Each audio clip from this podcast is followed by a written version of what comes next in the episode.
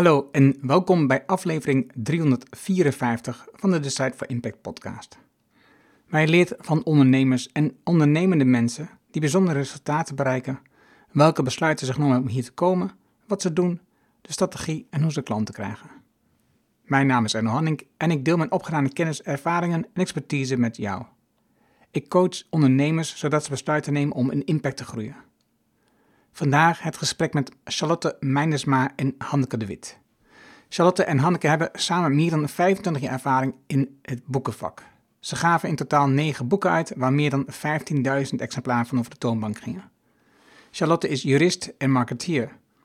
Vanuit haar bedrijf Charlotte's Law en Fine Prints geeft ze juridisch advies en marketingadvies. Ze is een disruptor en pionier in de juridische wereld.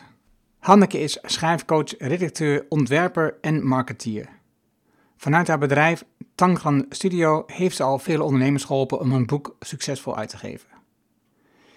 Dit was een super interessant gesprek. Een beetje andere audio-kwaliteit dan normaal, omdat we het hebben opgenomen in het kantoor van Charlotte. En ik heb veel geleerd over het uitgeven van een boek, mede door het gesprek, maar ook door het lezen van het boek voor dit gesprek. Het bestsellersboek. Dus, laten we beginnen.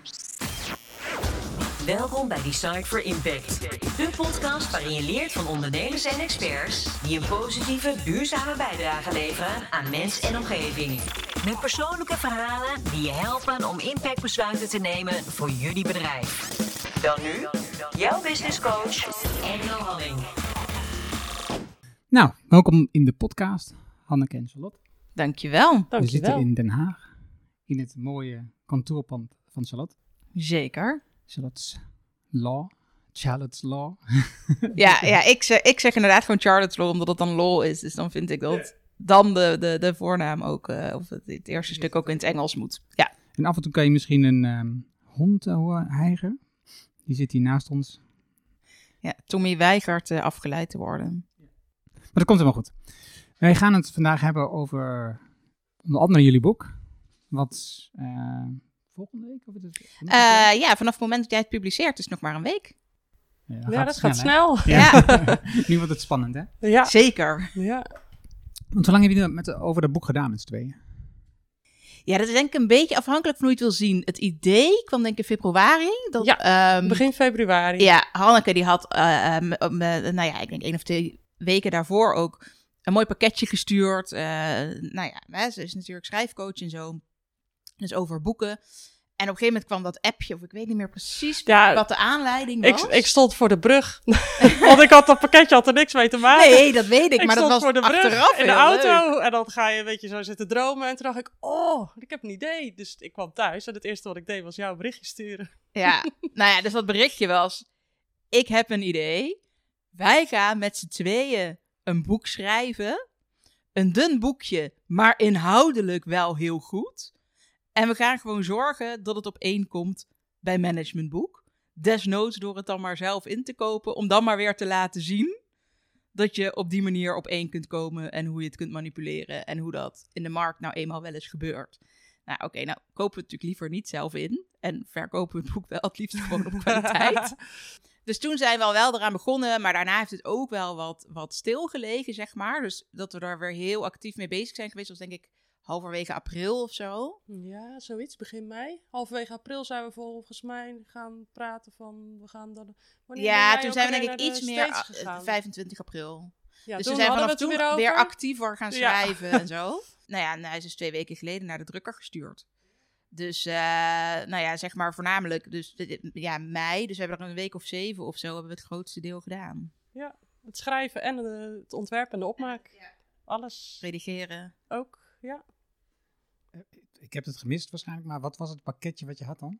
Nou, ik heb voor nieuwe klanten, daar heb ik eh, de- toen eens boekjes laten maken en dan had ik stickers bij en een leuke setje met pennen en zo. En ik dacht van, nou dan ga ik dat even naar een paar mensen met wie ik al werk, ga ik dat sturen, dat vind ik leuk. Dus nou, ik vind het altijd leuk om naar Charlotte ook iets te sturen. Dus dat was eigenlijk gewoon, had hier niks mee te maken, want ik had toen nog helemaal dat idee niet. Het was echt op het moment dat ik voor de brug stond, dat ik ineens dacht, oh, Maar wat was ook alweer de tekst op het kaartje en op de sticker en zo? eh, next level met je boek. Ja, Dat is een Precies, beetje mijn tagline op de site en in mijn eh, social media en zo. Dus, eh, dus ik, heb, ook- ik wist al op zich wel dat het er niks mee te maken had. Alhoewel ik, toen ik het kreeg, al wel ook op social media iets gepost had. Zo van, goh, is dit nu een stille hint dat er alweer een boek moet komen of zo? Ja. Wat bedoel je hiermee?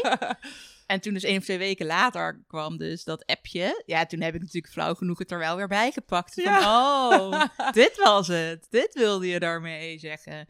En dan, dan weet ik wel dat het niet zo is, maar nou ja. is leuk voor de socials. ja. En, en je hebt in, je, in het einde van het boek kondig je het volgende boek weer aan. ja, nou ja, dat boek zit eigenlijk al wel weer een tijd in mijn hoofd. Eh, marketing Rules heb ik, ik heb de titel heb ik in, in dit geval gewoon ook al vastgesteld.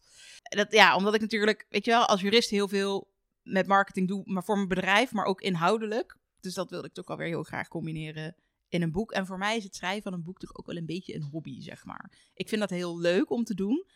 Het werkt natuurlijk fantastisch voor mijn bedrijf. Dus weet je, het, het levert nooit voldoende direct geld op. Hè? Want het, kost heel erg veel tijd. En het kost ook best een hoop geld. En nou ja, ook zoals nu met, met marketing dingen erachter en zo. Daar, daar zit ook weer heel veel tijd in.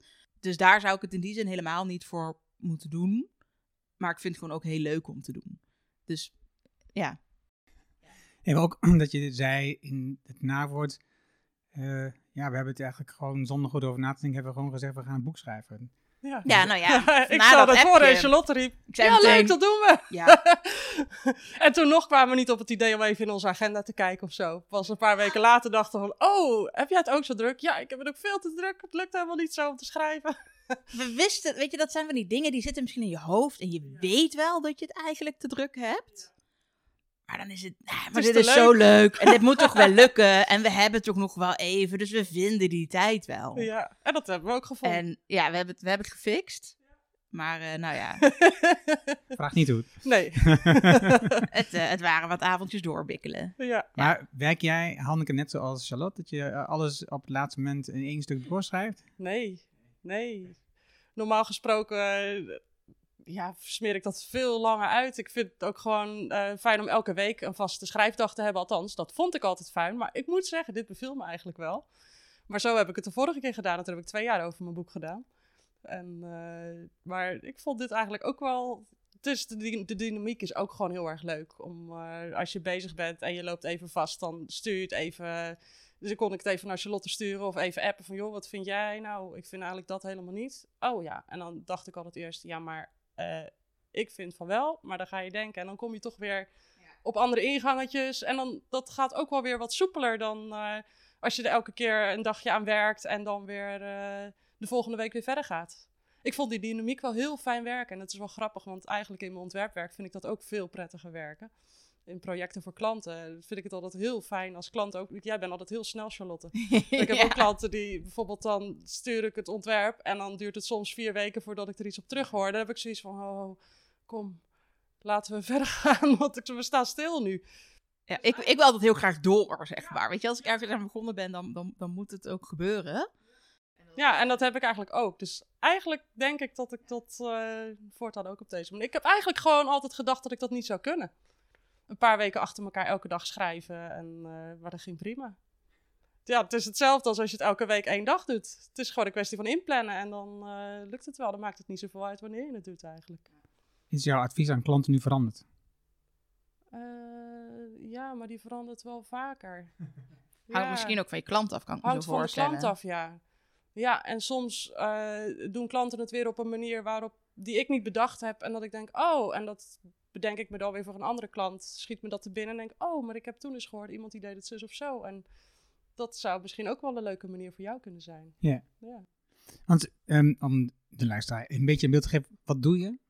Ik ben oorspronkelijk ontwerper, daar ben ik mee begonnen. Eh, marketing ben ik daarbij gaan doen en eigenlijk de laatste jaren ook eh, redactie. En naar aanleiding van mijn laatste boek eh, is er schrijfcoaching bijgekomen. Het begon eigenlijk met mensen die dan vroeger, die hadden het boek gelezen en die vroegen van, kunnen we een cursus bij jou doen?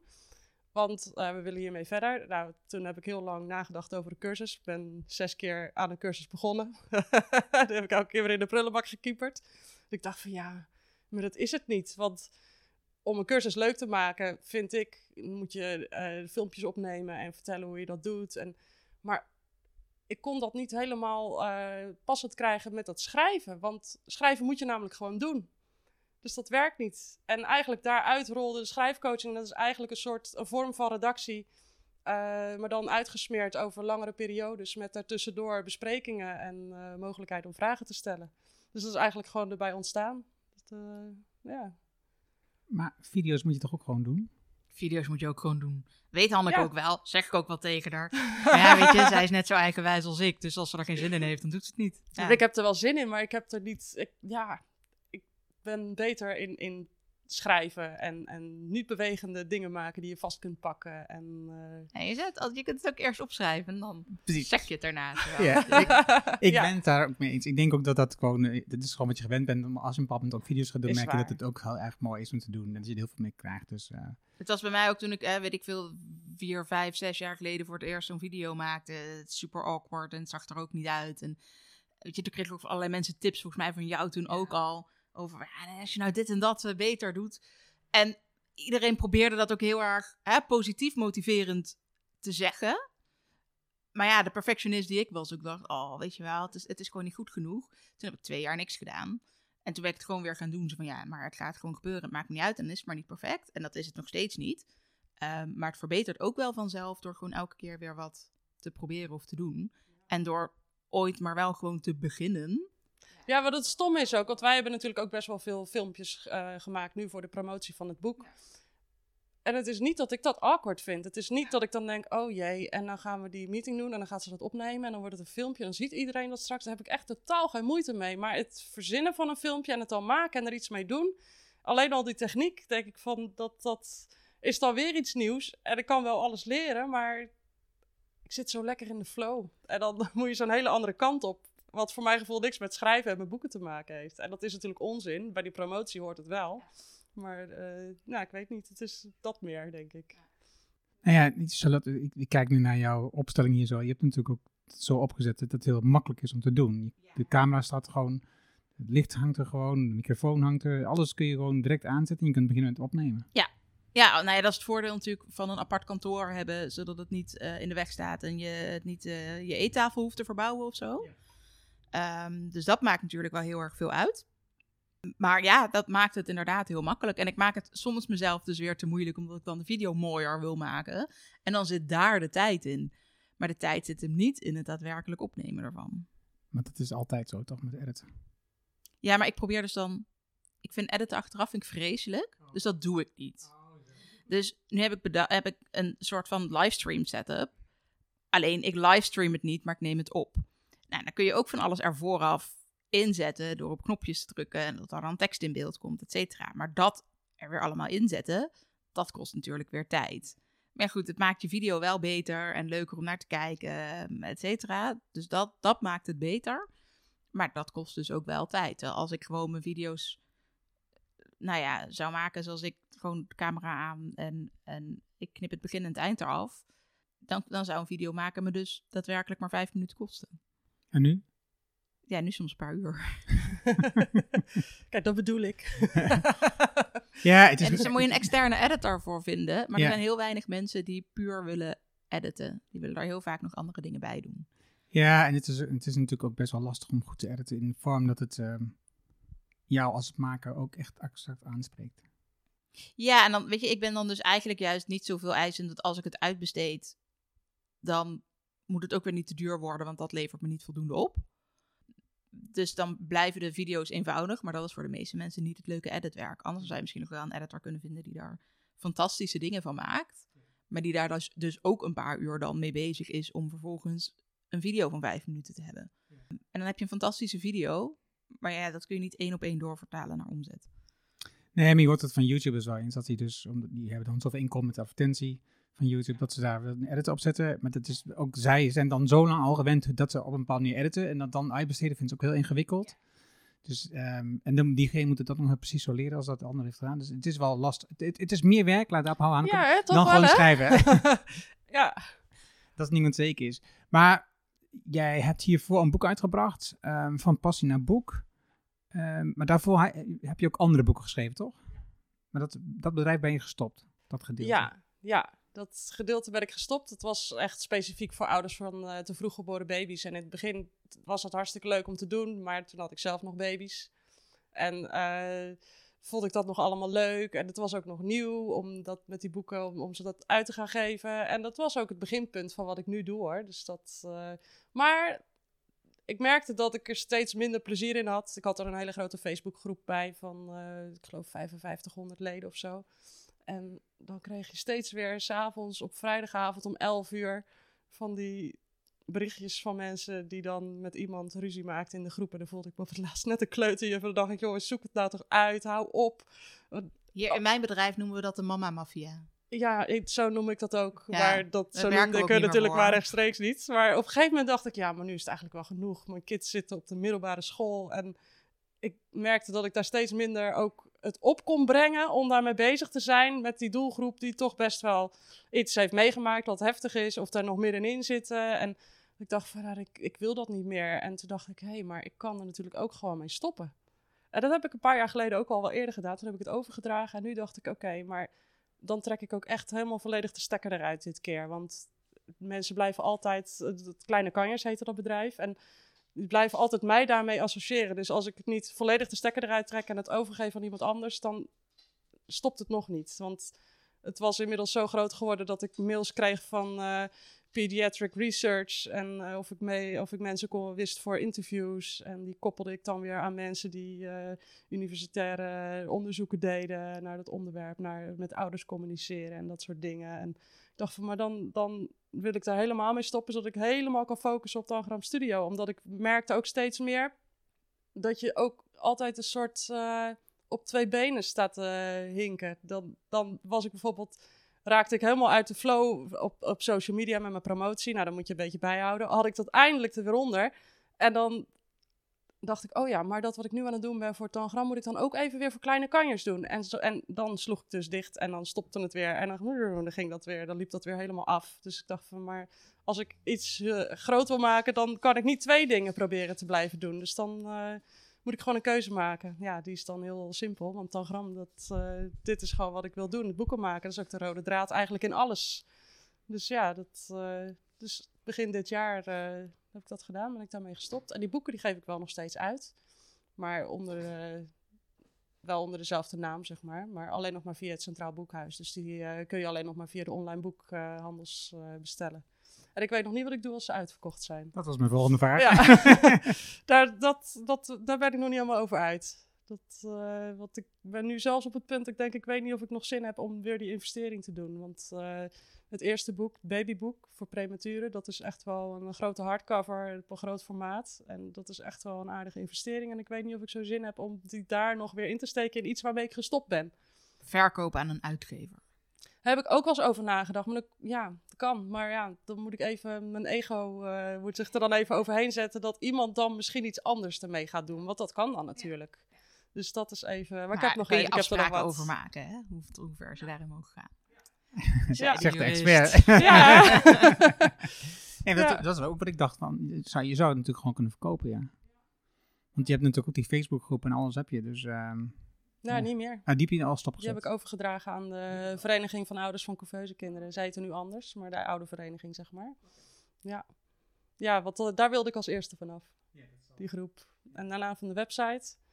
Want dat was ook een dingetje, want ik was best wel uh, op die site, het ging altijd best wel goed. Ik was best wel gefocust op de SEO en dat lukte ook heel goed. Een paar jaar geleden gingen mijn bezoekersaantallen in één keer van 100 naar 800 per dag. En, en soms nog hoger, soms 3000. En als je nagaat dat 1 op de 10 baby's te vroeg geboren wordt, is dat best wel uh, best stevig.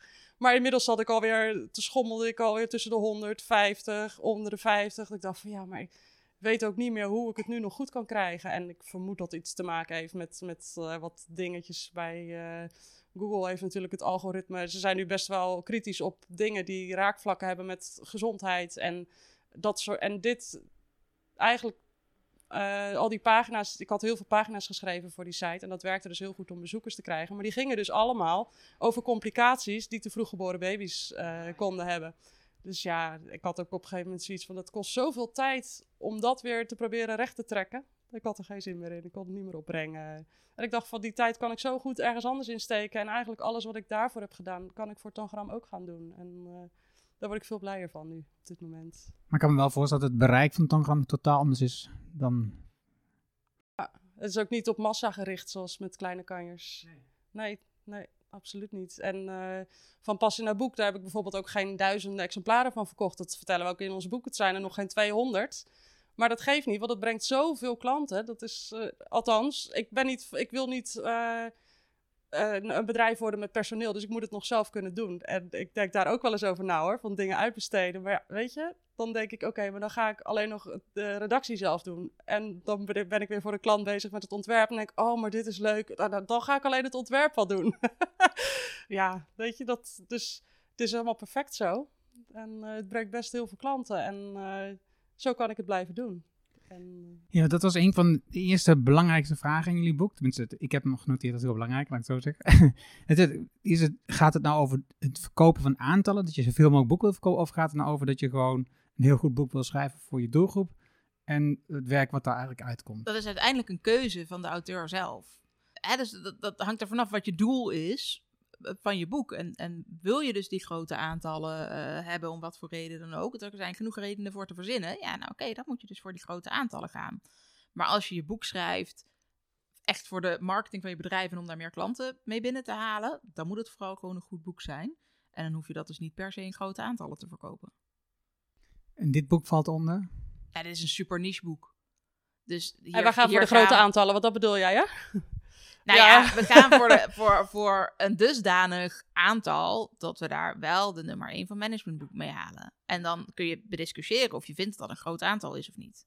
Ja, nou, ja goed, in het boek noem je verschillende getallen vanuit jullie zelf, vanuit uitgevers, vanuit de schrijvers, wat er dan een bestseller is. Ja. Maar goed, eh, als je zegt nummer 1 op managementboek, dat is natuurlijk al een hele mooie prestatie. Die kun je dan op boek dat, dat is dan wel fijn. Dat is dan wel het laagste aantal boeken dat we hoeven te verkopen. Precies. Ja, Precies.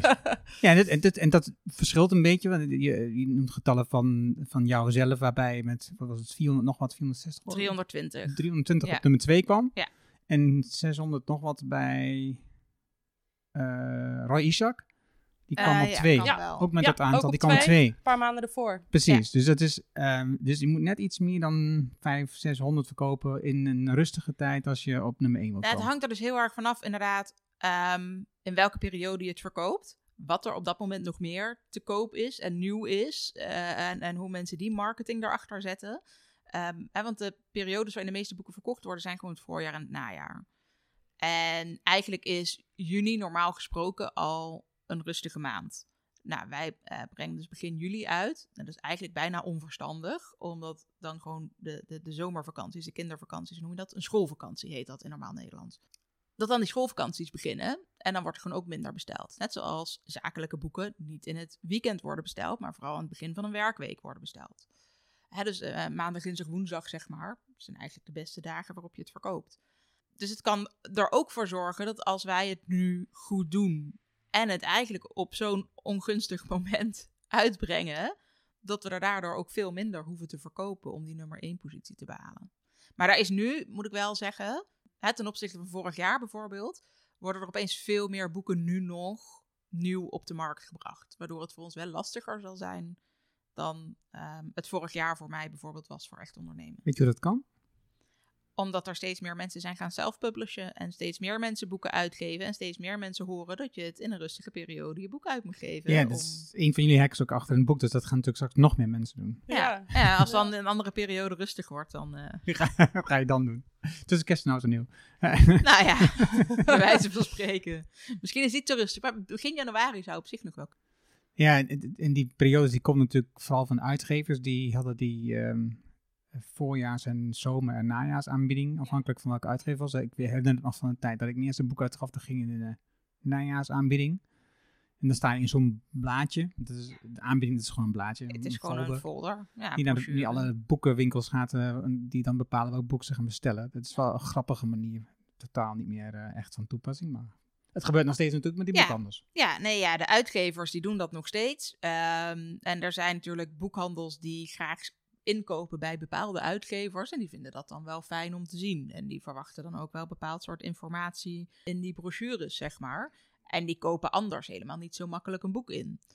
De vraag is alleen, heb je, schrijf je überhaupt een boek dat geschikt is voor in een gewone boekhandel?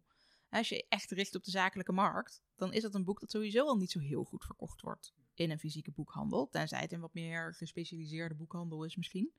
Ehm, maar niet bij, nou ja, die, die paar mooie fysieke boekhandels die we nog over hebben in Nederland. Dus de vraag is of je daar überhaupt wel op zou moeten willen concentreren. En dan is het heel fijn, dan kopen ze een paar boeken in, maar eh, dan komen ze niet op stapel te liggen. Dus wil je goed verkopen via een boekhandel, dan moet het dus ook weer een boek zijn dat voor een breder publiek geschikt is. En dan zou je dus vooral ook richten op grote aantallen verkopen en misschien minder specifiek op er ook klanten mee binnenhalen.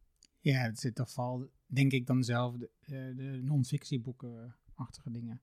Met, met zakelijke boeken in een gewone boekhandel, dat, is- dat zal echt wel Ja, dus weet je, biografieën doen het fantastisch. Eh, al, hè, als, als we even wel binnen het non-fictie eh, genre blijven, ehm, dan, dan doen biografieën het fantastisch. En alles wat wat meer, ja, ehm, wat, wat algemener op je leven van toepassing is. Weet je, kookboeken doen het ook heel goed, is ook non-fictie. Ehm, maar dan, ja, het moet gewoon echt wat algemener zijn en niet zo op de, op de zakelijke markt gericht. Dus het kan wel gaan over werk en werkgeluk en, en allemaal dat soort dingen, omdat iedereen werkt en, een, en het grootste deel van de mensen natuurlijk toch gewoon in loondienst is. Ehm, dus dat werkt heel goed. Eh, andere lifestyle-achtige dingen werken heel goed. Of als het dus wat meer entertaining is of zo. Ehm, sommige boeken worden door boekhandels ingekocht simpelweg omdat, omdat die boeken meer media-aandacht krijgen vanwege het onderwerp. Hè, wat meer politieke onderwerpen of, of, of wat geschiedenisachtige dingen. Ehm, maar dat is dus ook weer omdat dat dus een, een algemener onderwerp is dat voor een breder publiek interessant is. En de mensen in boekhandels trekken, eh, of, of hè, boekhandels trekken eigenlijk toch een bepaald soort publiek aan. Eh, eh, ehm, ehm, eh, dat ook een bepaalde mening over zichzelf heeft over het algemeen. Ehm, dus ja, dat maakt weer ook uit wat voor boeken er verkocht worden. Ik geloof dat de auteur van, weet dat, het Pauperparadijs of zo, dat boek, die zei ook van, ja luister, ons boek is hè, veel meer gericht op een ander type mens met een andere lifestyle. Die lopen niet zomaar een boekhandel binnen. Die komen daar helemaal niet. Die zullen daar dus dit nooit als impulsaankoop doen. Dus voor ons is zo'n boekhandel totaal niet interessant. Ehm, we verkopen het dus wel online. En dat werkt voor ons het allerbeste. Nou, zo werkt dat dus voor je zakelijke boeken ook. Ja, als het een wat breder onderwerp is, dan kan het het heel goed doen in een boekhandel. En kan het misschien ook als impulsaankoop of, of zoiets dergelijks. Ehm, maar hoe meer niche je boek is, hoe lastiger het zal zijn om dat spontaan via gewone boekhandels te verkopen. Die voorbeelden, de interviews met de mensen die hebben genomen, de auteurs, zijn dat mensen die nog... Ik denk niet dat er echt veel mensen bij waren die echt veel een boek hadden verkocht, toch? Eh, weet Misschien. Grip. Even Dat is natuurlijk wel een boek wat heel populair werd uiteindelijk. Ja, grip, ja maar het grip hebben we natuurlijk niet. eh, Rick Pastoor hebben we niet geïnterviewd. Nee, maar die werd, die werd wel genoemd in het Die boek. wordt wel genoemd. Ja, die heeft wel iets van 60 of 80.000 boeken in het Nederlands verkocht. En die heeft eh, een licentie ook gegeven aan. ehm, Albert Heijn. Nee, daar heeft hij, ja, daar heeft hij een apart, aparte uitgave mee gedaan. Eh, die een stuk goedkoper was, maar wel hardcover. En dus gezorgd dat hij op zodanige manier aanpassingen aan het boek heeft kunnen doen. Zodat hij daar een nieuw ISBN voor kon regelen. En dus er een andere prijs voor kon doen. Maar dat is dus ja, wel maar één oplage of zo geweest. Hè? Dus dat boek kun je nu niet meer eh, kopen. En hij heeft er gewoon voor gekozen van oké, dan verkopen we het alleen via Albert Heijn. Dat mag allemaal. Dus hij heeft dat keurig netjes volgens de regels gedaan. Ehm, en, maar hij, het is nu ook in het Engels eh, verkrijgbaar, bijvoorbeeld. En, en de- daar heeft hij dus een licentie voor gegeven aan een andere uitgever. Maar hij heeft het, in principe dat boek ook zelf uitgegeven. Dus hij heeft, maar hij heeft echt, in het Nederlands waren het echt iets van 60 of 80.000 exemplaren of zo. Dat wel ook mooie voorbeelden die je in het boek hebt genoemd. Dat je ergens tegenop kunt kijken van dat we ook ooit misschien nog een keer kunnen Ja. realiseren. Want het zijn Ja. echt wel gigantische aantallen. Zeker. Zoals, zulke Maar soort dit, dit is dus ook weer zo'n onderwerp. Dat, hè, dat gaat over productiviteit, handig, je agenda beheren. Voor iedereen Dit- interessant. Precies. Echt iedereen. Of je nou een werknemer bent of, of een ondernemer bent. Of ook voor je privéleven om je planning goed te doen. Eh, alles zit daarin. Dus dit is echt, ja, weet je, heel Nederland is je doelgroep. Eh, de- Bij wijze van spreken, vanaf dat iemand zou kunnen lezen tot, eh, hè? beetje overdreven, maar je snapt wat ik bedoel. Ja, dan zijn jouw normale boeken toch eh, wel eh, nog meer niche. Jouw, Mijn andere boeken. bo- Mijn contentrecht en, en, en wetboek voor bloggers, wetboek voor webwinkels. Jazeker. Ja. Of het, ehm, ik heb ondertussen, we hebben, ik heb het niet over jouw bedrijf gehad, ehm, mag je nog wat over vertellen maar we hebben natuurlijk al twee, uit, we hebben al twee gesprekken gehad over eh, wat je hebt gedaan en wat je allemaal doet. Ehm, maar wat wel opvalt, mij opviel, dat zeggen, is dat je nu um, daar toch ook um, marketing aan toegevoegd. Voorheen was het gewoon alleen maar jurist en nu zit er marketing, wat is het, adviseur, wat is het ook weer? Ja, ja, ja, consultant. Consultant, ja, ja zoiets. maar net, uh, in ieder geval. En dus ik dacht ook, oh, dat is wel grappig dat je dat nu hebt toegevoegd. Ook gewoon. Ja. Dat had ze toch gewoon al jaren geleden moeten doen? Ik weet niet. Het is een beetje dat ik inderdaad door uh, uh, mijn marketingvrienden, zeg maar, daartoe nogal aangespoord werd yeah. om dat te doen. En ik zei altijd, ja, nee, maar ik ben uh, amateur-marketeer. Weet je, ik heb er geen opleiding voor gehad, maar ik ben er wel veel mee bezig. Ik vind het wel heel leuk. En um, weet je, elke keer als ik zoiets zei, kreeg ik van mensen in de DM, maar luister, je bent gewoon een marketeer. Je doet het nog wel beter dan een hoop andere mensen die dit wel professioneel doen, in loondienst doen, daar bedrijven hebben, et cetera. Um, en ik kreeg gewoon vanzelf al veel meer klanten die zeiden: Ja, weet je, jij doet je marketing zo freaking goed, ik wil dat ook leren. Ja. Kun je mij daarbij helpen? Dus de oploskoffie die ik aanbied, die natuurlijk eigenlijk al wat meer was voor hè, juridisch advies, ja, die wordt, dat wordt ook steeds meer ingezet voor marketingadvies. of het wordt een beetje half-half. Of hè, laatst had ik een gesprek met een klant en dat ging eigenlijk over licenties. En ze zei: Ja, maar ik weet niet zo goed hoe ik dat aan moet pakken met, met een klant. Ja, weet je, driekwart van het gesprek ging dus helemaal niet over de juridische kant van die licentie, maar hoe verkoop je dit aan je klanten? Uh, hè, wat voor woorden gebruik je daarbij? Wat voor zinnen? Hoe zorg je dat het als positief wordt ervaren? Uh, hoe kun je dus meer geld vragen voor je foto's? Ging over een fotograaf. Um, ja, dus toen was het toch een soort van, ja, weet je, dit is in feite wat ik eigenlijk al doe. Laat ik het maar erkennen en opschrijven. Ja. Nou ja, voor mij ben je, in ieder geval de, de jurist die ik ken, de meest marketing achtige persoon die dat doet en ook daar heel goed in is. Dat is ook super duidelijk. Ik kan me voorstellen dat je heel vaak marketingadvies geeft aan juristen ook en notarissen en weet ik veel wat voor allemaal. Uh, uh, de, ja, de, de, de kleinere uh, kantoren die, daar, die dat erkennen dat ze het nodig hebben, ja. zeg maar. Ja. Um, hè, er zijn er natuurlijk nog een hoop die gewoon heel ouderwets zijn of die denken dat je zoiets alleen maar bij een groot bureau zou moeten um, inschakelen of zoiets dergelijks. Of die, die, die, hè, die denken dat, dat marketing adverteren is. Um, nou ja, dat soort zaken. Nou, dat zijn natuurlijk niet de mensen die ik dan aantrek. En ik ga, daar, ik ga ze ook echt niet overhalen om daar wat anders mee te... Als zij wat willen, dan mogen ze met mij komen praten. En dan leg ik ze met liefde uit hoe ik het gedaan heb. Of ik uh, geef ze met alle liefde het advies hoe ik denk dat zij dat voor hen zelf het beste kunnen doen. Um, maar ik ga niemand overhalen om, uh, om aan marketing te doen of dat op een betere manier te doen of zoiets dergelijks. Er zijn nog steeds denken dat het adverteren is en uh, prima, veel plezier, ga je gang. Ja, ik denk ook dat je de manier waarop je dat doet, dit is zo natuurlijk. En dat heb je nu, nu gebruikt in de promotie voor je vorige boek, Echt Ondernemen, maar ook nu weer in dit boek gebruik je het allemaal. Dus dan zie je niet alleen wat je dus opschrijft, maar ook wat je zelf doet. Het is gewoon super duidelijk dat je dat gewoon heel natuurlijk is en dat het al heel vaak hebt gedaan. Niet per se zeg maar dat het, uh, zeggen, dat het iets is wat je al van nature had, maar gewoon in ieder geval ontwikkeld. Ja. Dat het, dat het je heel gemakkelijk het, afgaat. Het is, het is zeker iets wat ik heb moeten ontwikkelen.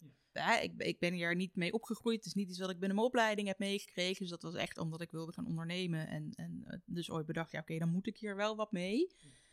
Um, en vooral een kwestie van heel veel lezen, met heel veel mensen praten en uh, op die manier heel erg veel leren. En, en zo heb ik dat ontwikkeld. En kijk, weet je, zoals ik het voor mezelf uitvoer, is natuurlijk niet helemaal zoals ik nou tegen anderen zou zeggen. Zo zou je het ook moeten doen, want het is niet zo strategisch, het is allemaal niet zo netjes, het is allemaal niet zo uh, uh, geordend. Je, je kunt het veel strakker inzetten met, met nog veel beter resultaat. En ik denk juist dat dat je kracht is. Nee, dit is wat voor mij heel fijn werkt en waardoor ik het ook leuk ja. blijf vinden. Hè? Maar dus ook waarom daarom, daarom ben ik ook een marketing uh, uh, adviseur, zeg maar. En ga ik het niet voor iemand uitvoeren. Nee, ik denk dat, ik denk dat je hebt een bepaalde stijl. Wat, wat je zegt, Hanneke, is dat het, die maakt je uniek. Het is het taalgebruik, soms iets de hardheid waarmee je in dingen ingaat. Wat voor de meeste mensen, voor mij bijvoorbeeld, heel ongemakkelijk is. Uh, maar dat, ja, het werkt voor jou heel erg goed, waardoor mensen je herkennen, waardoor je opvalt. Dus dat is, ik, en ik denk ook dat de mensen die meer opvallen en meer. Uh, als, als je meer kant wil, dan moet je meer opvallen, moet je meer zichtbaar zijn. Dus ik denk dat dat heel belangrijk is dat je het doet. Dus. Ja, nou, en ik gebruik het ook als filter. Hè? Dus die hardheid die daarin zit, daar heb ik op een gegeven moment ook voor gekozen. Omdat ik dacht, nou dan is dat prima. Dan schrik ik daar tenminste ook weer mensen mee af. Want ik kan nou eenmaal niet iedereen bedienen. En uh, dat ik daardoor de mensen overhoud die weten hoe ik daarin sta en, en, en, en wie ik ben. Dat ze ook weten bij wie ze, het, bij wie ze iets afnemen. Eh, en de grootste grap is dat ik daardoor echt wel eens denk dat ik bepaalde mensen of bepaalde groepen mensen daarmee af zou schrikken die toch nog steeds klant worden. Hè, ik zou, lief, had je liever niet gehad. Nee, het, want het zijn fantastische klanten die, dus, die dus gewoon weten hoe ik erin sta en die het dus prima vinden en die dus ook snappen wat ik bedoel. Maar ik had echt wel verwacht dat ik bijvoorbeeld veel meer eh, ehm, eh, christelijke ondernemers, dat ik die af zou schrikken hè, door mijn taalgebruik. Maar ze weten prima wat mijn taalgebruik is, maar ze weten ook hoe ik het bedoel en ze weten ook dat ik het prima vind wat zij verder doen.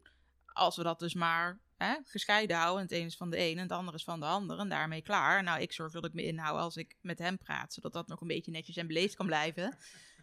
Dus dat werkt prima. Heb je doorgehad dat ik jouw woordje godver heb veranderd in potver in ons boek?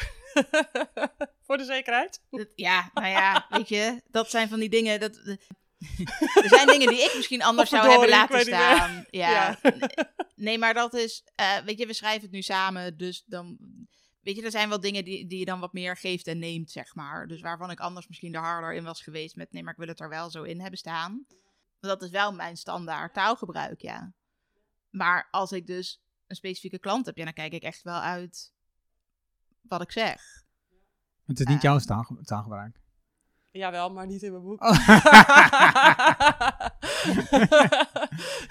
Wat, het, het, het, vijfde hoofdstuk dat gaat over promotie, eh, dat heb jij alleen geschreven, gok ik? Het het niet ja, op, altijd- eh, het op, op, op, op één of twee alinea's na, geloof ik. Ja, die we verplaatst hadden van een ander hoofdstuk ja, was ik per ongeluk ook over marketing gaan schrijven. Dat was niet de bedoeling. niet Niet bij dat onderdeel in ieder De grootste geval. grap is dat we daar juist ook heel veel discussie over hebben Ja. gehad. Van oké, waar hoort dit Ja. eh, thuis? Hè? Ja. En welk hoofdstuk hoort dat thuis? Ik bedoel, in die zin is, is een boek samen schrijven is een vloek en een zegen tegelijk. Dat is mooi Ehm, gezegd, ja. Hè, dus het, het helpt je op heel veel punten enorm vooruit. En dat je echt samen eh erover kunt discussiëren en er verder komt en daardoor een betere beslissing neemt.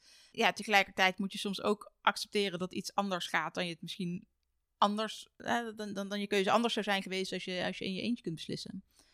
Ja dat, ja, ja, dat hoort er ook bij of zo. Maar daarom vond ik het ook wel heel fijn om met jou dat boek te schrijven. Omdat ik ook wist dat ik tegen jou alles kan zeggen. Omdat jij gewoon zegt, ja maar nee. nee, zo wil ik het wel. Nee, ja, zo, zo, af, en, zo af en toe eh, waren er gewoon over en weer ook dat veto's. Ja, nee, oké, maar dit, dit, zo gaat het gewoon niet gebeuren. Ja, ja. Wat is het wat je hebt geleerd uit hoofdstuk 5 dan? Van Charlotte? Ehm, nou, geleerd. Wat je anders doet nu? Ik wist het allemaal al, maar ik deed het niet. En ik heb het niet uit hoofdstuk 5 per se geleerd, maar meer doordat wij dus ook samen die promotie moesten doen. En, of moesten. Ik bedoel, Charlotte doet natuurlijk heel veel. Maar ik ga natuurlijk niet achterover zitten van zo. Nou, dan heb ik het ontwerp gedaan en dan gaat Charlotte de promotie doen. Dus werd ik ook een soort gedwongen om dingen te doen die ik normaal misschien dan niet gedurfd zou hebben. Omdat ik dacht van ja, maar kom, dat, ik moet daar gewoon in mee. En eh, ik merk wel dat het ook steeds makkelijker en natuurlijker afgaat als je eenmaal zo'n drempeltje over bent. Die, Dat, die, die eh, doos daar, dat zien mensen niet. Tuurlijk, want het is een podcast. Oh een ja, dat is wel eentje, ja. Want op de cover van ons boek staat een megafoon. En ik was eigenlijk bezig naar iets van megafoontjes zoeken om mee te kunnen sturen met ons boek. En dat was allemaal heel lastig. Maar toen kwam ik, weet je, nou Google, shopping, weet ik veel. Ik kwam een plaatje tegen. Ik zei, joh, moet je nou kijken. Dat ding is precies hetzelfde hè, als wat op de cover van het boek staat. Ah, en dat vind ik dan te grappig. Dus dat heb ik gekocht. En dat gaan we dus nog inzetten. Ja, en ik dan zei, dat vind ik heel wel- leuk, maar dat is way out of my comfort zone. nou ja, dus Nou ja, en dan dat zeg ik jij- ook, ja, dat is prima, doen. weet je wel. Dan blijf jij lekker ergens in de auto zitten Nou, dat je er nou niet ook bij bent. niet. Nee, maar ik ga gewoon, zeg maar. Ehm, en, Ja. en, het, en het leuke is ook wel, eh ehm, hè, Hanneke heeft- ik heb tegen Hanneke ook gezegd, ik wil wat ontwerpjes voor mijn social media posts hebben. Ik wil in elk geval dit, dit, dit en dat. En dan zegt ze ook wel eens beetje, is dat dan niet te schreeuwerig? Ik zeg, ja, is hartstikke schreeuwerig. Is het niet te druk? Ja, is hartstikke druk. Zeg maar, het moet opvallen, dus ik wil het toch hebben. Nou, gaat helemaal tegen haar ontwerphart in. Nou, niet mijn ze, ontwerp ja. hard, maar inderdaad mijn gevoel van, voor, voor... Stijl en... Je komt soms een beetje in botsing tussen eh, opvallen en esthetiek of zo. Ja, Dat, nou, eh, esthetiek doe ik niet aan. Vind, is namelijk gewoon, weet je, we, we hebben nu, ehm, eh, morgen begint hier het, eh, het Zeeheldenfestival. Daar hangen posters van in de buurt. Fantastisch, lokaal. Festivalletje van een paar dagen. Hebben een mooie poster gemaakt. Maar het heeft me echt drie weken gekost om te bedenken dat dat over het Zeeheldenfestival ging. Want dat staat wel ergens in een hoekje, heel esthetisch. Maar het viel dus niet op. toen dacht ik wel, ja, zie je, soms moet die esthetiek gewoon even wijken voordat wat opvalt. Ehm, maar goed, weet je, kijk, ik, ik ben dus ook niet zo'n nauwkeurig ontwerper en ik weet dat de dingen dan niet perfect zijn. En dan ga ik lekker een beetje in Canva lopen klooien en dan maak ik wat. En dan heb je de volgende dag mail van Hanneke met, ja, nou, ja, ik zag dus die post. En eh nou ja, heel tof, dus ik eh, heb even nieuwe ontwerpjes gemaakt. Nee, Hier. nee, nee, nee. Ik had die ontwerpjes gemaakt voor mezelf. Want ik ga niet jouw ontwerpjes dan pikken. Zo ben ik dan ook weer. Dus dan dacht ik, nou ja, dan maak ik ze even zelf. En dan, ja, dan kan ik er niks aan doen dat ik het dan allemaal precies recht moet zetten. En de typografie al was al in het boek. Maar toen dacht ik, ja, dan...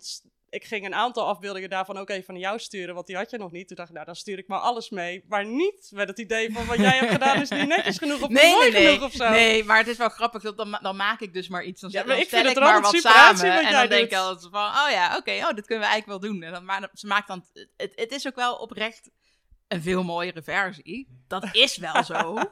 maar ik vind dat dan wel grappig. Dan ben ik wat aan het aanklooien. En dan is het, oh ja, nou, was wel leuk wat je gedaan hebt. En dan. Oh, maar zo is het niet bedoeld, want ik Nee, vind dat het echt ik leuk wel. wat je doet. Ik vind Maar het ook helemaal niet dat het er is slecht niet lekker uitziet. voor in zo'n podcast om dat zo netjes Ja, te sorry. doen. maar Weet je, je gaat weer heel mijn hele idee van lekker overdrijven. om, om mij neer te zetten als die... eh, ik wou namelijk net gaan ik zeggen, wat ik het vooral heb geleerd van Charlotte... is mijn perfectionisme een klein beetje aan de kant schuiven. En dat was wel... Ja. Dat is wel echt... Ja. eh, Nee, je accepteert best wel dingen van mij die jij anders echt wel anders ja, maar eh, jij gedaan mij zou ook. hebben. Ja, nou ja, dat, eh, dat is dus dat over en weer. Ja, en dat is denk ik vooral op perfectionisme waar we tel- telkens... Ja. Als het ergens een klein beetje minder soepel ging, dan had het daarmee te maken. Ja. Of jij vond mij te perfectionistisch, of jij vond me te perfectionistisch. Nee, maar ze vindt zichzelf ook perfectionistisch. Ja, maar, Ja, ik mij het heel irritant perfectionistisch. nou, en ik heb soms natuurlijk toch wel ergens een andere mening over of zo.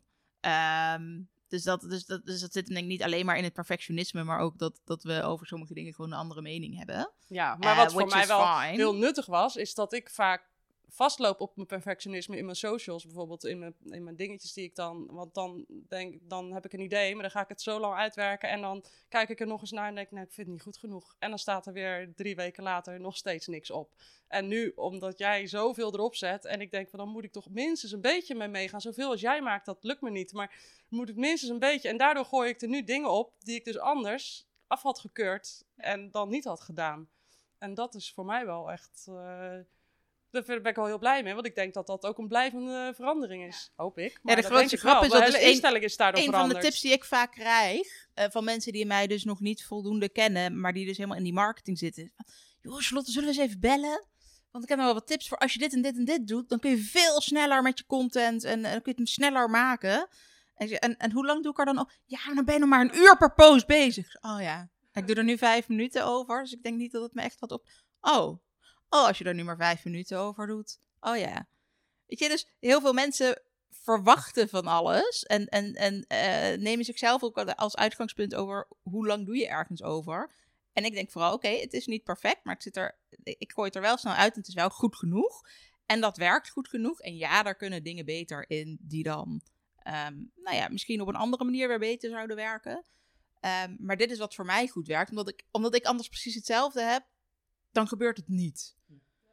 Dus eh, ik, als ik niet tevreden ben met die 80%, dan, dan komt het niet online. Dus ik kies dan voor die 80%. Nou, weet je wat ik zo eigenaardig vind? Want ik heb dus daarom, en dat probeer ik me over dat perfectionisme heen te zetten.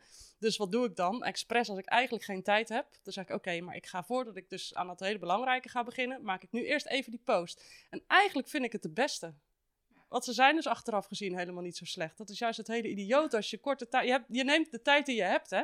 En als je korte tijd hebt, dan kun je blijkbaar ook in korte tijd iets goeds maken. En dat is wel heel grappig om te zien. Het doorlopen van je Nespresso koffie kost ehm, een seconde of 40. Kun je echt een prima Instagram story in maken. Jij wel. Ja, vooral als je het doorlopen van je espresso koffie op je story zet. ja, maar dan duurt je story dus te lang. Oh ja. Ja. En dat, en dat weet jij dan weer. Ja. J- jullie boek, ehm, om iets daar ook nog over te vertellen, is dat ehm opgedeeld in vijf hoofdstukken. à la ehm, Jos Burgers. Vijf hoofdstukken, vijf... Wat had ik nou? Oh ja, zo hebben we er niet minuten- eens. Nee, Nee, weet ik, ja. weet ik, weet ik. Cool. Maar ja, Als dat- dat zo is, ehm, dan moet ik die boeken van Jos Nou, Burgers er nog eens beter Nee, bij staat, en dat zegt hij inderdaad, vertelt Vijf- hij in een interview in ons boek Ja, inderdaad. dat hij dat, dat, ja, Ja. dat hij Nee, dat zo... Heel ja. vast stramien ja. hij. Dat is heel, Ja. heel Ja, slim. ja, en jullie klopt. hebben eh, ook een vast stramien gebruikt, maar dan de, de vier P's. De bekende oude 4 P's van marketing. Product, prijs, plaats, promotie. En, ehm, en voor de rest wat mij in het boek opvalt, en waarvan ik ook echt denk dat je het, dat je het zou moeten lezen, eh, is, is twee dingen. Is A, dat je leert hoe je je boek beter verkoopt. Dat je over dingen nadenkt van, god, moet ik het nou zo inzetten? Moet ik het nou zo inzetten? Moet ik het nou de doelgroep? Moet ik nou, wil ik gewoon zoveel mogelijk? En wat moet ik dan doen als ik veel mogelijk moet doen? Eh, en het tweede ding is gewoon ook dat je let op wat is ehm, correct vanuit het recht gezien. Ja, dat zit. Ja, ja, weet je, als je een boek met een jurist schrijft, dan. Nee, maar eh, ik denk ook dat het heel belangrijk is, omdat veel mensen het niet weten en Klopt. zich niet realiseren hoe het Klopt. eigenlijk moet. En daardoor gewoon heel onbewust vaak, de, sommigen Ja. natuurlijk bewust, maar ook, heel- heel- ik denk de meeste heel onbewust absoluut. de fout ingaan met wat je doet met het boek. Ik zelf ook, hè. En dat je, alhoewel, dat is niet waar, want ik heb de eerste twee fysieke boeken met uitgegeven. Nee, daarna, oh nee, is toch niet, niet eens waar. De e-books heb ik, heb ik veel met prijs veranderd, maar dat mag. Ja, met een e-book mag het, want Precies. een e-book is geen boek. Precies.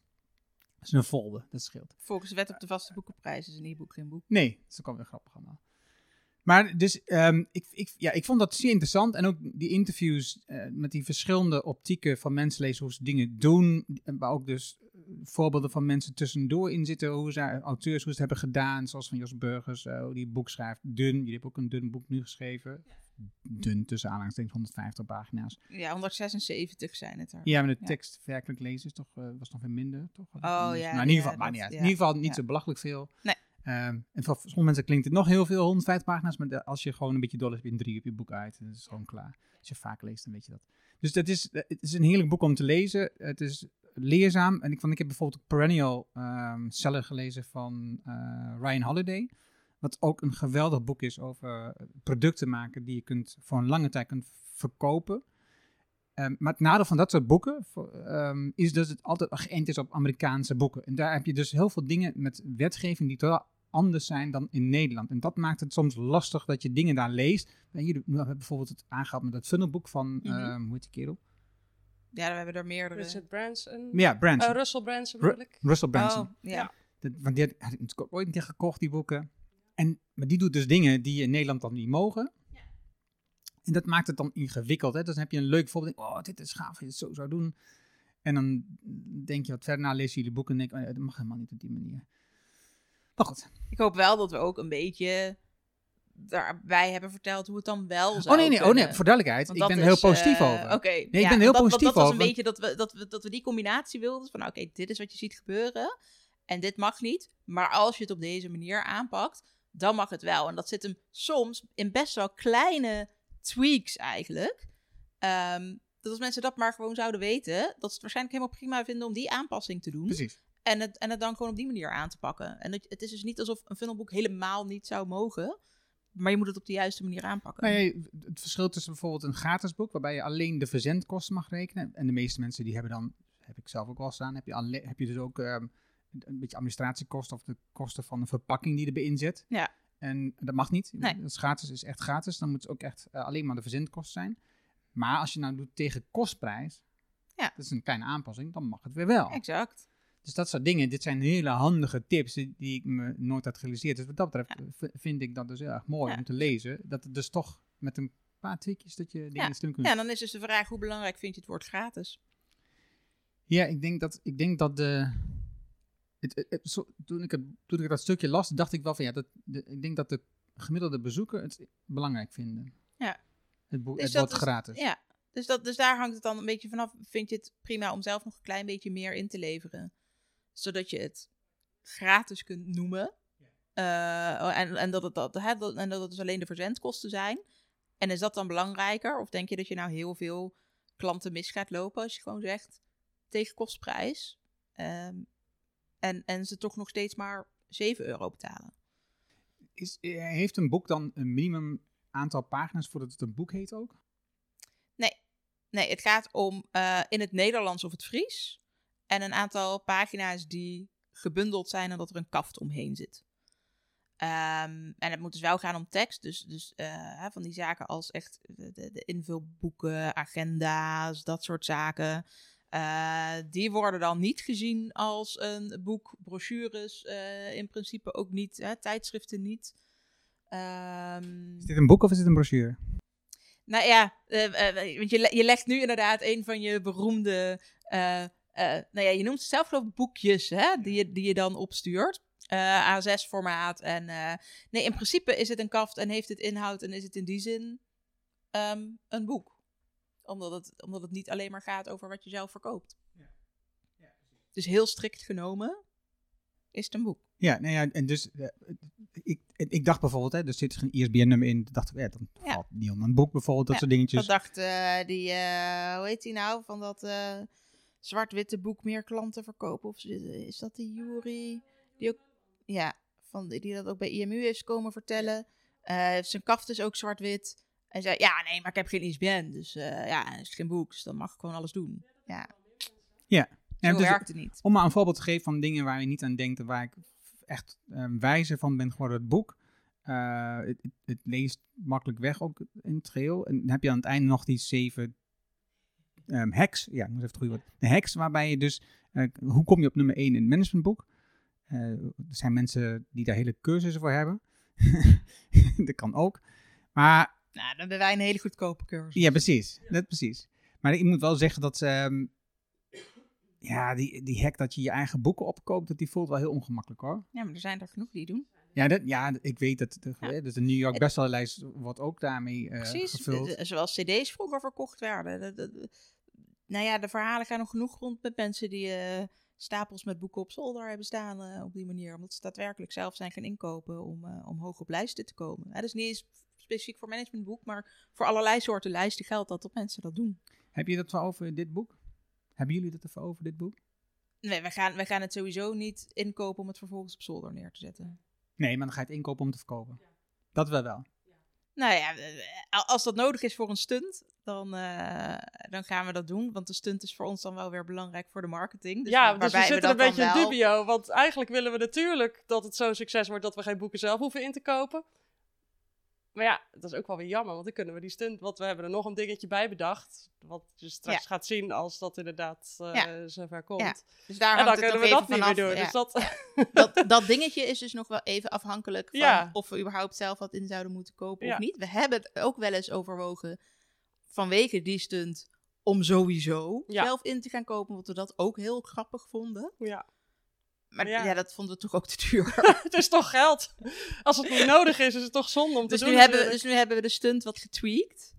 Ja. En als alles goed gaat, hebben we het dus eigenlijk niet nodig. Maar omdat we ook weer niet de stunt niet willen kunnen gebruiken, dus we willen Maar- het toch gaan doen. Anders kopen we er één en dan doen we het daarmee. En dan Ja, dat zou we kunnen. één boek gekocht. Ja. Om, eh, Ja, dat zou, ja, dat Of zou één te kopen. Één zou boek nog- zelf zou- gekocht. We hebben één boek zelf gekocht om nummer 1 te komen. We Ja. moeten het dus wel vroeg kopen, want anders dan heeft het niet meer afgehangen van dat ene boek. Ja, dat moet Dat kan als je dan in, in die 30 dagen is toch goed? Dus dat- ja. Nee, ja, dus weet je, eigenlijk, ehm, laten we zo zeggen, zoals de voorverkoop er nu voor staat, hebben we het waarschijnlijk niet nodig om het zelf in te kopen. Dat is fijn. Dus dat, eh, Dat is positief. Maar, maar ja, want ja, weet je, het is toch ook, weet je, we wilden wel gewoon een goed boek schrijven. Ehm, hè, dat echt voor mensen nuttig is, leuk is, echt wat toevoegt. Dat was wel natuurlijk het belangrijkste. Ja. En voor, en Ehm. voor, voor duidelijkheid, even mijn onafhankelijke mening, zeg maar. En ik, ik moet er dan bij zeggen, zoals je netjes in een podcast met affiliate en al dit. Ik heb het boek gekregen in Ja. een digitale versie. Ja, ja want we wachten nog op de, op de gedrukte. Dat de mensen Dus dat gewoon die, snappen eh, dat ik het heb gekregen. Maar daarvoor zeg ik niet dat ik het een goed boek vind en dat het waardevol is. De inhoud is heel erg goed. En als je een boek gaat schrijven of een boek hebt geschreven en plan, van plan bent om nog een boek te schrijven, dan is het een heel waardevol boek om dingen die je niet wist te lezen. Al zijn het maar drie tips die eruit haalt dat je denkt van ja, zo ga ik dat in mijn boek straks aanpakken. Daar is het gewoon echt een super waardevol boek voor. Dus ik ben heel blij met dat boek dat het is. Want Ja, er zijn top. niet ik, wil, ik weet niet of het niet één persoon boek is, nee, maar, maar er zijn in ieder geval niet veel van dit soort boeken in Nederland die daar goed De, over de, schrijven. de, de, de boeken die er vooral over sta- bestaan, die gaan over het schrijven van het boek. Dus het daadwerkelijke schrijven. En, en nou ja, de meeste boeken zullen ook wel wat eh, schrijven over promotie. eh, of over hè, andere zaken die erbij komen kijken. Ehm, maar dat wordt dan bijna een soort zijdelings genoemd.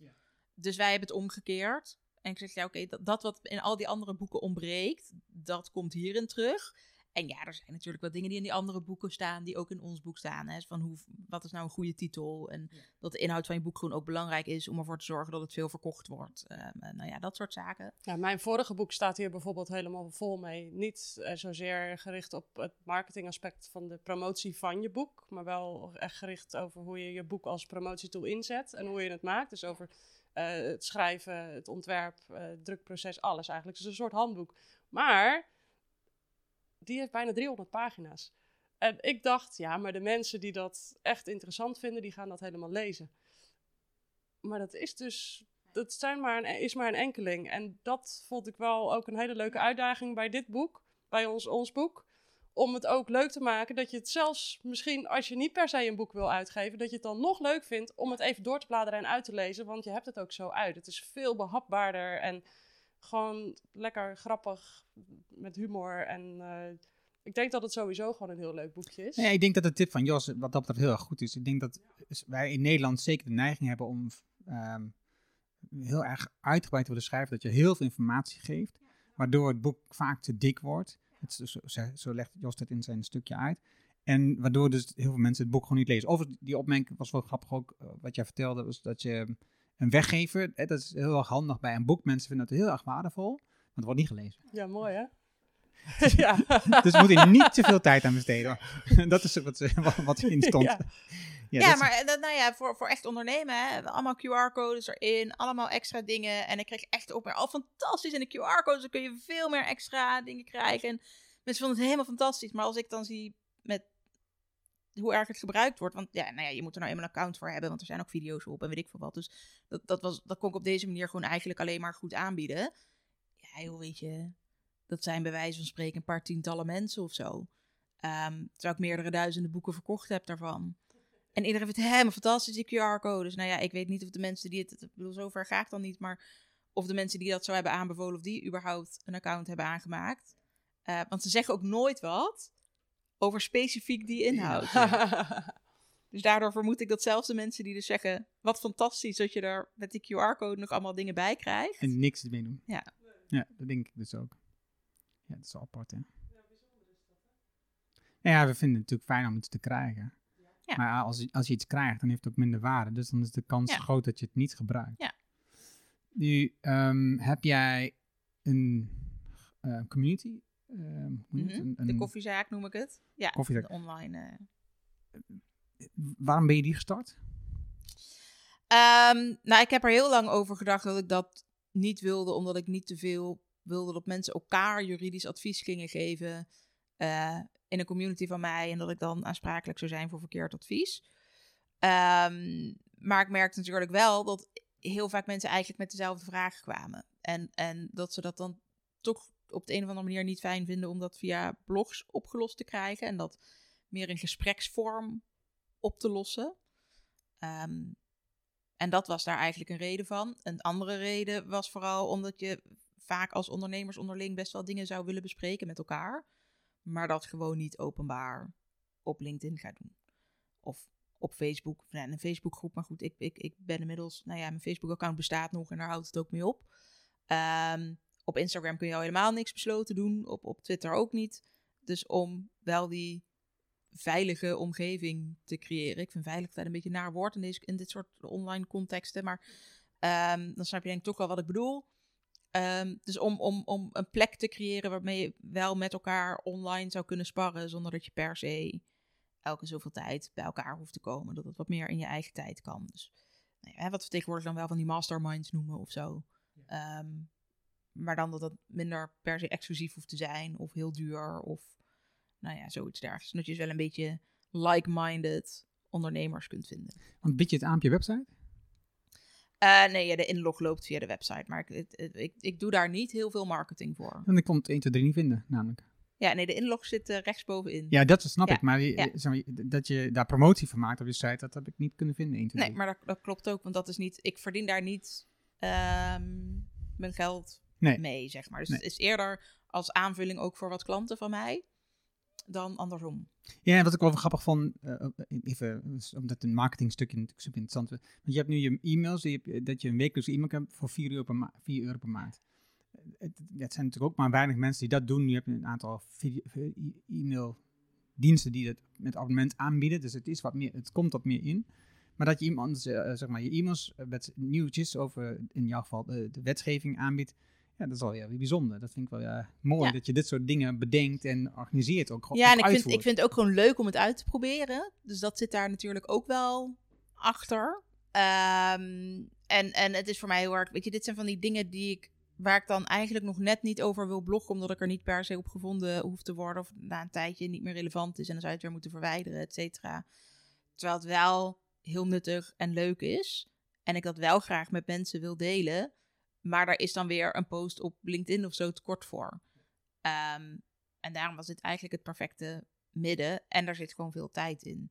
En dat is weer waarom ik het liever niet gratis aan wilde bieden. Ja, ik, ik, ik, vind, ik vind het perfect. Ik vind het hartstikke mooi gedaan. Dus het uh, hartstikke leuk. Ehm, Hanneke, wat, als je kijkt naar jouw klanten, wie, wie, wie, is, wie is ongeveer jouw klant? Charlotte. Dat is de, dat is de ideale klant. Dat is de ideale klant. Dus mensen als Charlotte die opvallen, die eigenzinnig zijn, zich uitspreken. Heb je, wat is je, wat is je naast Charlotte je topklant die uh, zoveel boeken uitpubliceert en zoveel verkoopt? Uh, Roy, Roy Isaac. Oh ja. Ja, ik moet even graven, want ik zat een beetje weer te dromen ondertussen. Toen jullie het over Charlotte's dingen hadden. Ja, en Tien. Dat zijn uh, vloggers. Die hebben een YouTube-kanaal en uh, Instagram-account waarmee ze best heel groot zijn. En die hebben ook ontzettend veel boeken verkocht die ze zelf hebben uitgegeven. Vooral Instagram tegenwoordig, hè? Ja, hè? Video doen ze eigenlijk niet meer. Oh nee, kun je nagaan. Nou ja, ik volg het dus niet zo heel erg meer, want het zijn echt... Uh... Het zijn ook weer klanten van mij. Ja, en die doen hartstikke leuke dingen hoor, maar ik ben niet de doelgroep. Ja, en nee. het zijn... eh, Vroeger wel. Vroeger ik, ik ben ouder dan zij, dus ik ben nooit de doelgroep geweest. Dus het gaat eigenlijk over hun leven met de kindjes. Oh, en toen kregen ze baby's en nou, die van mij zitten in de brugklas inmiddels. Dus, uh, maar, dus, maar die, die, ja, die hebben zo ontzettend veel boeken verkocht. Dat is echt... Uh, ik ben de tel kwijt, maar ik denk van de... We zijn nu bezig met een tweede versie, een herziene versie. En van die eerste, nou, volgens mij de eerste druk was al heel snel uitverkocht. En dat waren volgens mij al bijna 3000 uh, stuks of zo. Nou, die hadden ze al binnen no time verkocht. En daarna kwamen er nog twee of drie drukken. Ik weet niet eens meer uit mijn hoofd. Vier. Vier drukken zijn er geweest. Dus Oh, nou, reken maar uit. Meer, ja. Echt heel veel. Ja. En uh, ja, dat, dat is ook hartstikke leuk om te doen natuurlijk. Ja. En, uh, maar goed, dan hebben we het over klanten die heel veel boeken hebben verkocht. Maar ik heb ook uh, bijvoorbeeld een klant die onlangs een herdruk had. En ik weet nog zo dat zij aan mij zei van ja, hoeveel zal ik er dan doen? En dat ik zei duizend minimaal. Ja, nou ja, ik dacht zelf meer aan 200 of zo. Ik zeg, ja, maar ja, dan ben je zoveel kwijt aan je boek. En je zal zien, je raakt ze echt wel kwijt. En die heeft ze nu dus, uh, die was ze kwijt, na een jaartje of zo. En hij heeft een herdruk, ook een klein beetje gewijzigd, want de doelgroep bleek veel breder, zo, struikel over mijn bleek veel breder te zijn dan dat ze zelf bedacht had. Dus ja, en dat is superleuk, want die bouwt haar hele bedrijf daar eigenlijk mee uit. En dat is echt hartstikke leuk uh, om te zien hoe ze dat doet. En uh, zo heb ik veel meer klanten, die, of mensen die bijvoorbeeld uh, veel meer in de media komen, overal worden uitgenodigd. En, dus ja, je kan heel veel. Daarom vond ik, vond ik het ook met name heel belangrijk om het boek te beginnen met wanneer is je boek eigenlijk een bestseller? En natuurlijk hebben we het dan over cijfers, maar niet altijd. Ja, dat verschilt echt Want het kan zo Ik vind dat van Willem, van Willem vind ik het ook wel heel tof. Hun boek ligt volgens mij helemaal niet in de boekhandel. In het begin en... wel bij de prenatal. Ja, precies. Ik. Of de maar zij, zij nou ja. verkopen echt voornamelijk zelf. En, en dat is echt weer, weer, weer heel anders. Echt wel heel tof uh, hoe zij dat ook weer doen. En voor Roy is het inderdaad weer echt, die heeft natuurlijk op LinkedIn ook ja, weer compleet Ja, anders. jeetje. Want Roy Dat heeft is- zelf volgens mij helemaal niet zoveel gepost. Ik denk als hij vier postjes heeft geschreven, Ja, is het maar- veel. Dat heeft zijn netwerk gedaan. Maar welke, welke postman? Nee, Ja, die kan schrijven. Maar goed, dat is natuurlijk zo, dat is een vak. Dat is een Dat is vak. een vak. Dat, dat kan hij heel goed. Ja, en en ja. het boek, maar hij, hij zou ook een serie schrijven, dus ik ben benieuwd Ja. wie het volgende boek op komt. Dus Hij is bezig met z'n twee, volgens mij met twee tegelijk. Maar dat, Oh ja, ja, dat eh, had hij toen ook al- had hij van alle, allerlei de- andere dingen ook nog aan het doen. Precies. Zoals verhuizen en zo. Dus Ja. dat, eh, maar we gaan het wel zien wanneer dus een volgende boek aankomt. en die is ook heel perfectionistisch. Dus dat kan ook nog wel even duren. Maar ik weet dat hij ermee bezig is. De laatste keer dat ik hem sprak, dat was een paar dagen geleden. Toen, eh, Ja, ik wil in ieder geval dat de kwaliteit is wat, eh, wat hij doet. eh, dat dat goed is. Dat het een van de beste teksten is over copywriting of over wat dan ook in dit geval. Ja. Hij is ook de enige klant die ik ooit heb gehad die zegt: Wil je mij dan de InDesign-bestanden even sturen? Want ik wil zelf graag de afbrekingen nalopen. Zodat ze precies zijn zoals ik ze wil. en daar heeft hij ook heel veel tijd voor. En dat vind ik ook wel weer heel erg grappig. En ik ben natuurlijk ook hartstikke perfectionistisch. Maar ik kan me ook zo voorstellen dat je dat niet uit handen kunt geven als tekstschrijver zijn. En dat je dat helemaal wil hebben zoals jij dat wilt. Het is- In het begin moest ik er heel erg aan wennen. En nu moeten we erom lachen. En ik weet al van ja, voor die volgende titels, als ik die ook ga maken, dan eh gaat Ik kan me het helemaal zo. niet voorstellen. Het werkt dan juist bijvoorbeeld weer bij Hanneke ook. Hè? Die, die gooit er bij mij een hoop komma's in. De- ja, ik ben heel erg op, op, opgegroeid met dat die komma's daar niet horen. En op een gegeven moment ook, ja, laat ook maar zitten, weet je. Hou op, die komma's ook wel best. Eh, toen we samen dit boek aan het schrijven waren. Je, ik heb me inmiddels wat ontwikkeld in juist kortere zinnen, hop, bam. Hè? eh, eh, Ja, en voor online in. is dat top. En eh Hanneke, van, hop, dan gingen er opeens drie zinnen in één keer aan elkaar. Ehm, nou ja, dat soort dingen. Nou, daar, daar, kun je ook hele discussies over voeren. Daar kun je super perfectionistisch in zijn met dit is zoals ik het wil. Ehm, of je kunt ook denken, nou ja goed, eh, eh, eh, dat laat ik gaan. En het is dus duidelijk dat je daar verschillende meningen over kunt hebben. Nou, en ik denk ook dat als je, als je een copywriter, of nou, hoe is het, een editor die de teksten corrigeert en verbetert voor jou, dat hij het ook werkelijk beter maakt, dat hij er verstand van heeft. Dus ik ben er niet super goed in, dus ik draag dat met liefde over aan iemand die er beter in is. En dan accepteer ik wat zij schrijft. Soms, bijvoorbeeld, ik, heb, eh, ik gebruik in mijn, ehm, als ik iemand moet omschrijven, gebruik ik het liefst haar in plaats van zijn. Hè? Dat is niet gebruik ik in Oh. de boektaal. Nee, ik heb wel altijd de neiging om andersom te doen. Ja, dat, is, dat, is- dat doet iedereen. En de, wat ik ook altijd gecorrigeerd. Nee, ik wil dat daar haar staat. Eh, want dan, ik wil gewoon, je moet ook een beeld hebben dat dat een vrouw zou kunnen zijn. Het hoeft niet altijd een man te zijn als je over dingen praat. En dat is heel ingewikkeld soms, maar dat, dat zijn, dat, daar ben ik dan wel nauwkeurig in. Maar voor de rest, weet je... Maar dat zit hem ook veel meer in de boodschap die je wil brengen Ja. met dat boek. Hè? Eh, dus dat vind ik wel iets heel anders dan een komma. Zo Ja, ja, eh, eens, maar, ik, maar ik, ik, de rest, weet je, als je dat hebt zo hebt gedaan, iemand Ja. corrigeert, loopt mijn, want ik ben taaltechnisch niet altijd fantastisch, DT en zo kan ik wel mis in gaan. En die loopt mijn teksten na en dan is ze klaar, maar ik kijk het nooit na wat ze heeft geschreven, want ik ga ervan uit dat ze het goed doet en prima. Ja. Beter dan ik waarschijnlijk, dus hartstikke goed. Nee, ja, ik heb me daar dus eh, op een gegeven moment ook een soort van, van voor afgesloten of zo. Oké, weet je wel, dit, eh, je kunt hier gewoon anders over denken en het is in elk geval ook goed. En eh, op sommige punten zal absoluut beter zijn dan, dan wat ik geschreven heb, hoor, daar niet van. Ehm, en, en, en dingen waar je over kunt discussiëren, oké, weet je, maar ga, als het nou op de een of de andere manier zou zijn, maakt dat uit voor mijn lezer? Nee, ja, uiteindelijk niet. Dus Nou, als ik even mag onderbreken. Ik doe het niet omdat ik denk dat jouw tekst dan mooier wordt. Maar omdat jij soms zo snel denkt en zo snel schrijft. En ik nee, weet maar wat het je wil me nu zeggen. over de komma voor een Ja. en en de komma voor een of. Ja, omdat je daarmee is- soms de zin wat duidelijker kunt maken. Ja. Of door er één woordje ergens Ja. nog tussen te stoppen en dan een komma toe te voegen. Dan Nee, maar komt hier- een verband tussen die twee het- zinnen die nu- anders de lezer ontgaat. En ik weet het verband omdat ik precies weet waar jij het altijd Maar nu over hoor je het dus. Die, een komma het dus. voor een en en een komma voor een of. Dat, ik, dat is er bij mij zo ingestampt vroeger. Ja. Er Ja, gaat geen komma voor een en. En er gaat geen komma voor een of. ja. Ehm, maar dat is de nieuwe stijl. en Ja, dat, dat is, mag dat, nou ja, precies. Maar dat, dat is inderdaad iets dat mag tegenwoordig. Sta ik eigenlijk nog steeds niet achter. Maar dat is dus ook. dat- Ja, prima. Laat maar. Maak dat dus voor mijn lezer uit. Nee, vind ik niet. Ga ik daar enorm commentaar van krijgen van mijn moeder of van andere mensen die er op een andere manier in staan? ja. Ehm, weet je, dus het is een beetje choose your battles. Ga ik nu die discussie met Hanneke daarover aan en wil ik het er pertinent uit hebben? Of, ehm, ja, weet je, ga ik op een ander moment met andere mensen. Dus het is daar- ofwel discussie met mij, ofwel discussie met je moeder. eh, en wat andere mensen. Maar ja, nou, daar komt het wel een beetje op neer.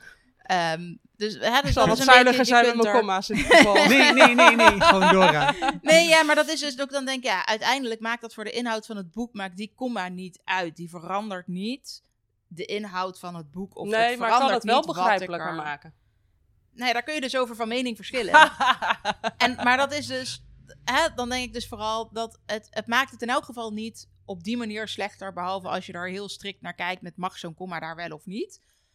En de mensen die daar de discussie over willen voeren, dan denk ik ook, ja, weet je, heb veel plezier. Stuur je die lekker door mijn boek, mij. mijn boek ging niet over die komma. Weet je wel? Ehm, eh, je, je leest het als het goed is voor de inhoud. En, Nou, dat, ja, dat heb ik ook. En ik, ik zei dat ook altijd. Ik, ik maakte, ik had nog wel de neiging om dat soort ehm taalfouten te maken. DNT, niet die comma's, maar wel DNT. Comma's, eh, denk ik. Oh, ik- DNT-fouten maak ik genoeg. Ja, ik Ja, ook. Ik- nee. Ik ook, maar dat had ik dus altijd van, weet je, als je, als je, het gaat mij om de tekst. Dus als je dat leest, Ja. dan, dan, ehm, dan, dan, moet, dan snap je dat. Maar toch, zeg maar, de helft van de bevolking valt er toch over. Ja. Dus ik dacht, oh ja, dus op een bepaald moment dacht ik, ja, ik moet het dan toch maar laten corrigeren. Maar Ja. ik zie het niet. Het interesseert me ook eigenlijk helemaal niet. Ik vind het niet erg dat het niet perfect is. Maar ja, dus andere mensen die vinden het wel erg en die stoppen dan met lezen als ze het Ja, tegenkomen. Maar denk je dat het met een DT weer anders is dan met een komma? Ja, dat, nou, dat denk ik ook. Want, dat, want daar ben ik heel blij mee dat dat soort dingen er wel gewoon uitgehaald worden. Dingen die gewoon echt niet kloppen of die ik dus net zelf niet meer gezien heb. Weet je, er wordt natuurlijk ook gewoon heel veel uitgehaald wat er... Ik zou nooit iemand aanraden om niet met een redacteur te werken. Je moet altijd, je moet het altijd Maar laten van je ook? iemand. Nee, Ja, dat doe ik dus wel. nee, maar dat, dat is dus... Ik werk niet voldoende vooruit. Ik ook niet. Ik, dat is Ehm, mij achteraf. Ja, nou ja, dus nee, maar ik krijg, ik heb nog wel eens, ik heb dus wel wat vrienden, zeg maar, die het altijd heel keurig lezen, die dan wel eens een DM sturen of een mailtje. Of eh, er zijn ook wel een paar mensen die hebben gewoon de inlog van de site. En die, nee, ik heb het even aangepast, hè, want het klopte niet. Oh ja, is goed. ja, nee, want dan eh, komen de blogs niet online. Dan gaat Ja, nee, ik, dat doe ik ook. Ik publiceer het gewoon en dan zij kijkt het naar de hand en eh, ergens een keer naar. Dat is prima. Ik vind het helemaal goed. Oké. We ronden hem af, want dit is heel erg gezellig zo. ja, we beginnen ook wat uit te wijden nu, hè?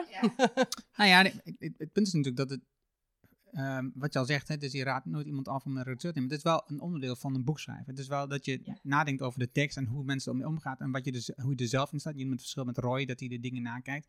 En, en zoals ik, die dat niets uitmaakt en die de redacteur volledig vertrouwt. Ehm, maar een, reda- een boek schrijven zonder redacteur. Nee, dat gaat dat, niet. Ja, dat gaat Nee, dat wel, moet je maar, niet maar dat is zonde, want dan, dan wordt je boek Nee. niks. Ik moet Precies. trouwens wel zeggen, ik heb bij Roy over de opmaak, want de redactie die heeft hij echt... Ik heb één typefoutje uit een kop gehaald bij Roy. En dat was geloof ik zelfs een DT-foutje, maar dat durf ik niet keihard te zeggen. Al neemt hij me misschien niet in dank af als dat niet zo was. Maar dat, eh, nee, dat, eh, dus dan heb ik het puur over het ontwerp, de opmaak. En dat hij dan dus de afbrekingen graag wilde bepalen welke zin op welke regel dan... Even voor, voor nee, de maar, je, nee, maar iedereen moet gewoon, je moet voor een boek moet je gewoon een redacteur hebben. Dat staat gewoon buiten kijf. Ehm, weet je, ik denk Mo- Monique Bransen, die we ook, ook geïnterviewd hebben voor het boek, zag ik gisteren of zo nog een LinkedIn-post van, of, of een post met, van ja, weet je, ik haal nu toch nog fouten uit, ondanks dat er eigenlijk al twee redacteuren overheen zijn gegaan. Het, het, het zal misschien ook helemaal nooit echt perfect worden, maar laat staan als er dus al niet één redactieronde overheen gaat, wat er dan wel niet gemist wordt. Je kent je eigen tekst ook gewoon te goed, dus je ziet dat soort fouten gewoon niet. En, en weet je, ook een redacteur is niet perfect en kan iets over het hoofd zien. Ehm, dus ja, er, er moet, er moet altijd minimaal één eindredactieronde overheen. Oké, dan sluiten we daar mooi mee af. Dankjewel voor jullie gesprek, dankjewel voor het boek. Jij ook bedankt. Ja, ik denk dat, het als, dat jullie straks weer een mooie actie gaan doen, net als eh, met echt ondernemen met sterrenstof. Dat pakketje, mijn hele, mijn hele werkkamer lag vol met, eh, met, eh, met die sterretjes en zo. Ik Jezus, wat nu weer? Maar dat krijg ik straks waarschijnlijk weer. Dat iets, eh, of, Huh? eh, niet, voor duidelijkheid, ik verwacht niet dat ik het krijg, want ik heb het boek al gelezen, dus voor Nee, duidelijkheid. ja, nee, jij krijgt, krijgt ook er ook een. Oké, Met sterretjes. En Speciaal als voor we er dit keer geen sterretjes bij doen, weten we nu dat jij dat zo leuk vindt dat we speciaal voor jou. Je, Charlotte, je hebt Ik nog heb wel wel een wat over van... Nee, ik, vond, ik vond het een fantastische actie. Het was, het was erg, erg mooi hoe je dat had uitgevoerd. Gewoon zoveel aandacht in. eh, en dat las ik in, in dit boek. Dat je dat met, dit, met 80 boeken had gedaan. Oh, poeh, wat een werk. Ongelooflijk. ja, het was wel veel werk. Jezus, ja. 80 boeken. Het was wel veel werk. Ja. Maar dat doe jij. ja. Ja. Dankjewel, Hanneke en Charlotte. Dat was het super gave en interessante gesprek met Charlotte en Hanneke. Je vindt de namen en links die we noemen in het artikel dat bij deze uitzending hoort. Ga daarvoor naar decideforimpact.com slash show 354. Wil je vanzelf automagisch de volgende aflevering van deze podcast op je telefoon ontvangen? Dat kan heel eenvoudig. Heb je een iPhone, dan zit daar standaard de Apple Podcast app op. Open deze app, zoek op de Decide for Impact podcast en klik op abonneer. En tegenwoordig moet je ook een vinkje aanzetten dat je de aflevering moet downloaden. Heb je een Android-telefoon? Installeer dan eerst bijvoorbeeld de Player FM app. Open de app. Zoek de Decide for Impact podcast op en klik op abonneer. Dankjewel hiervoor. Heb je vragen, opmerkingen, reacties over deze aflevering met Hanneke en Charlotte of over de podcast in het algemeen, stuur dan een e-mail naar podcast.decideforimpact.com. Dan weet ik dat het over de podcast gaat. Ik hoor super graag van jou en ik lees iedere e-mail. Wil je meer impact, meer resultaat, meer effect van je werk en meer effect voor de mensen met wie je werkt? Download dan het whitepaper Impact en winst met lange termijn besluiten op decideforimpact.com. Dit is mijn nieuwste whitepaper en je downloadt het helemaal gratis. Je hebt zelfs geen e-mailadres nodig. Het is mijn nieuwste boek en daarom is het gratis. Vraag het daarom nu aan. Vraag jouw whitepaper nu aan op decideforimpact.com. En ik weet, je hebt een volle agenda, je leest het in één avond uit. Dankjewel voor het luisteren en graag tot de volgende. Dankjewel voor het luisteren naar deze aflevering van de Decide for Impact podcast. Ga voor jouw volgende stap naar decideforimpact.com.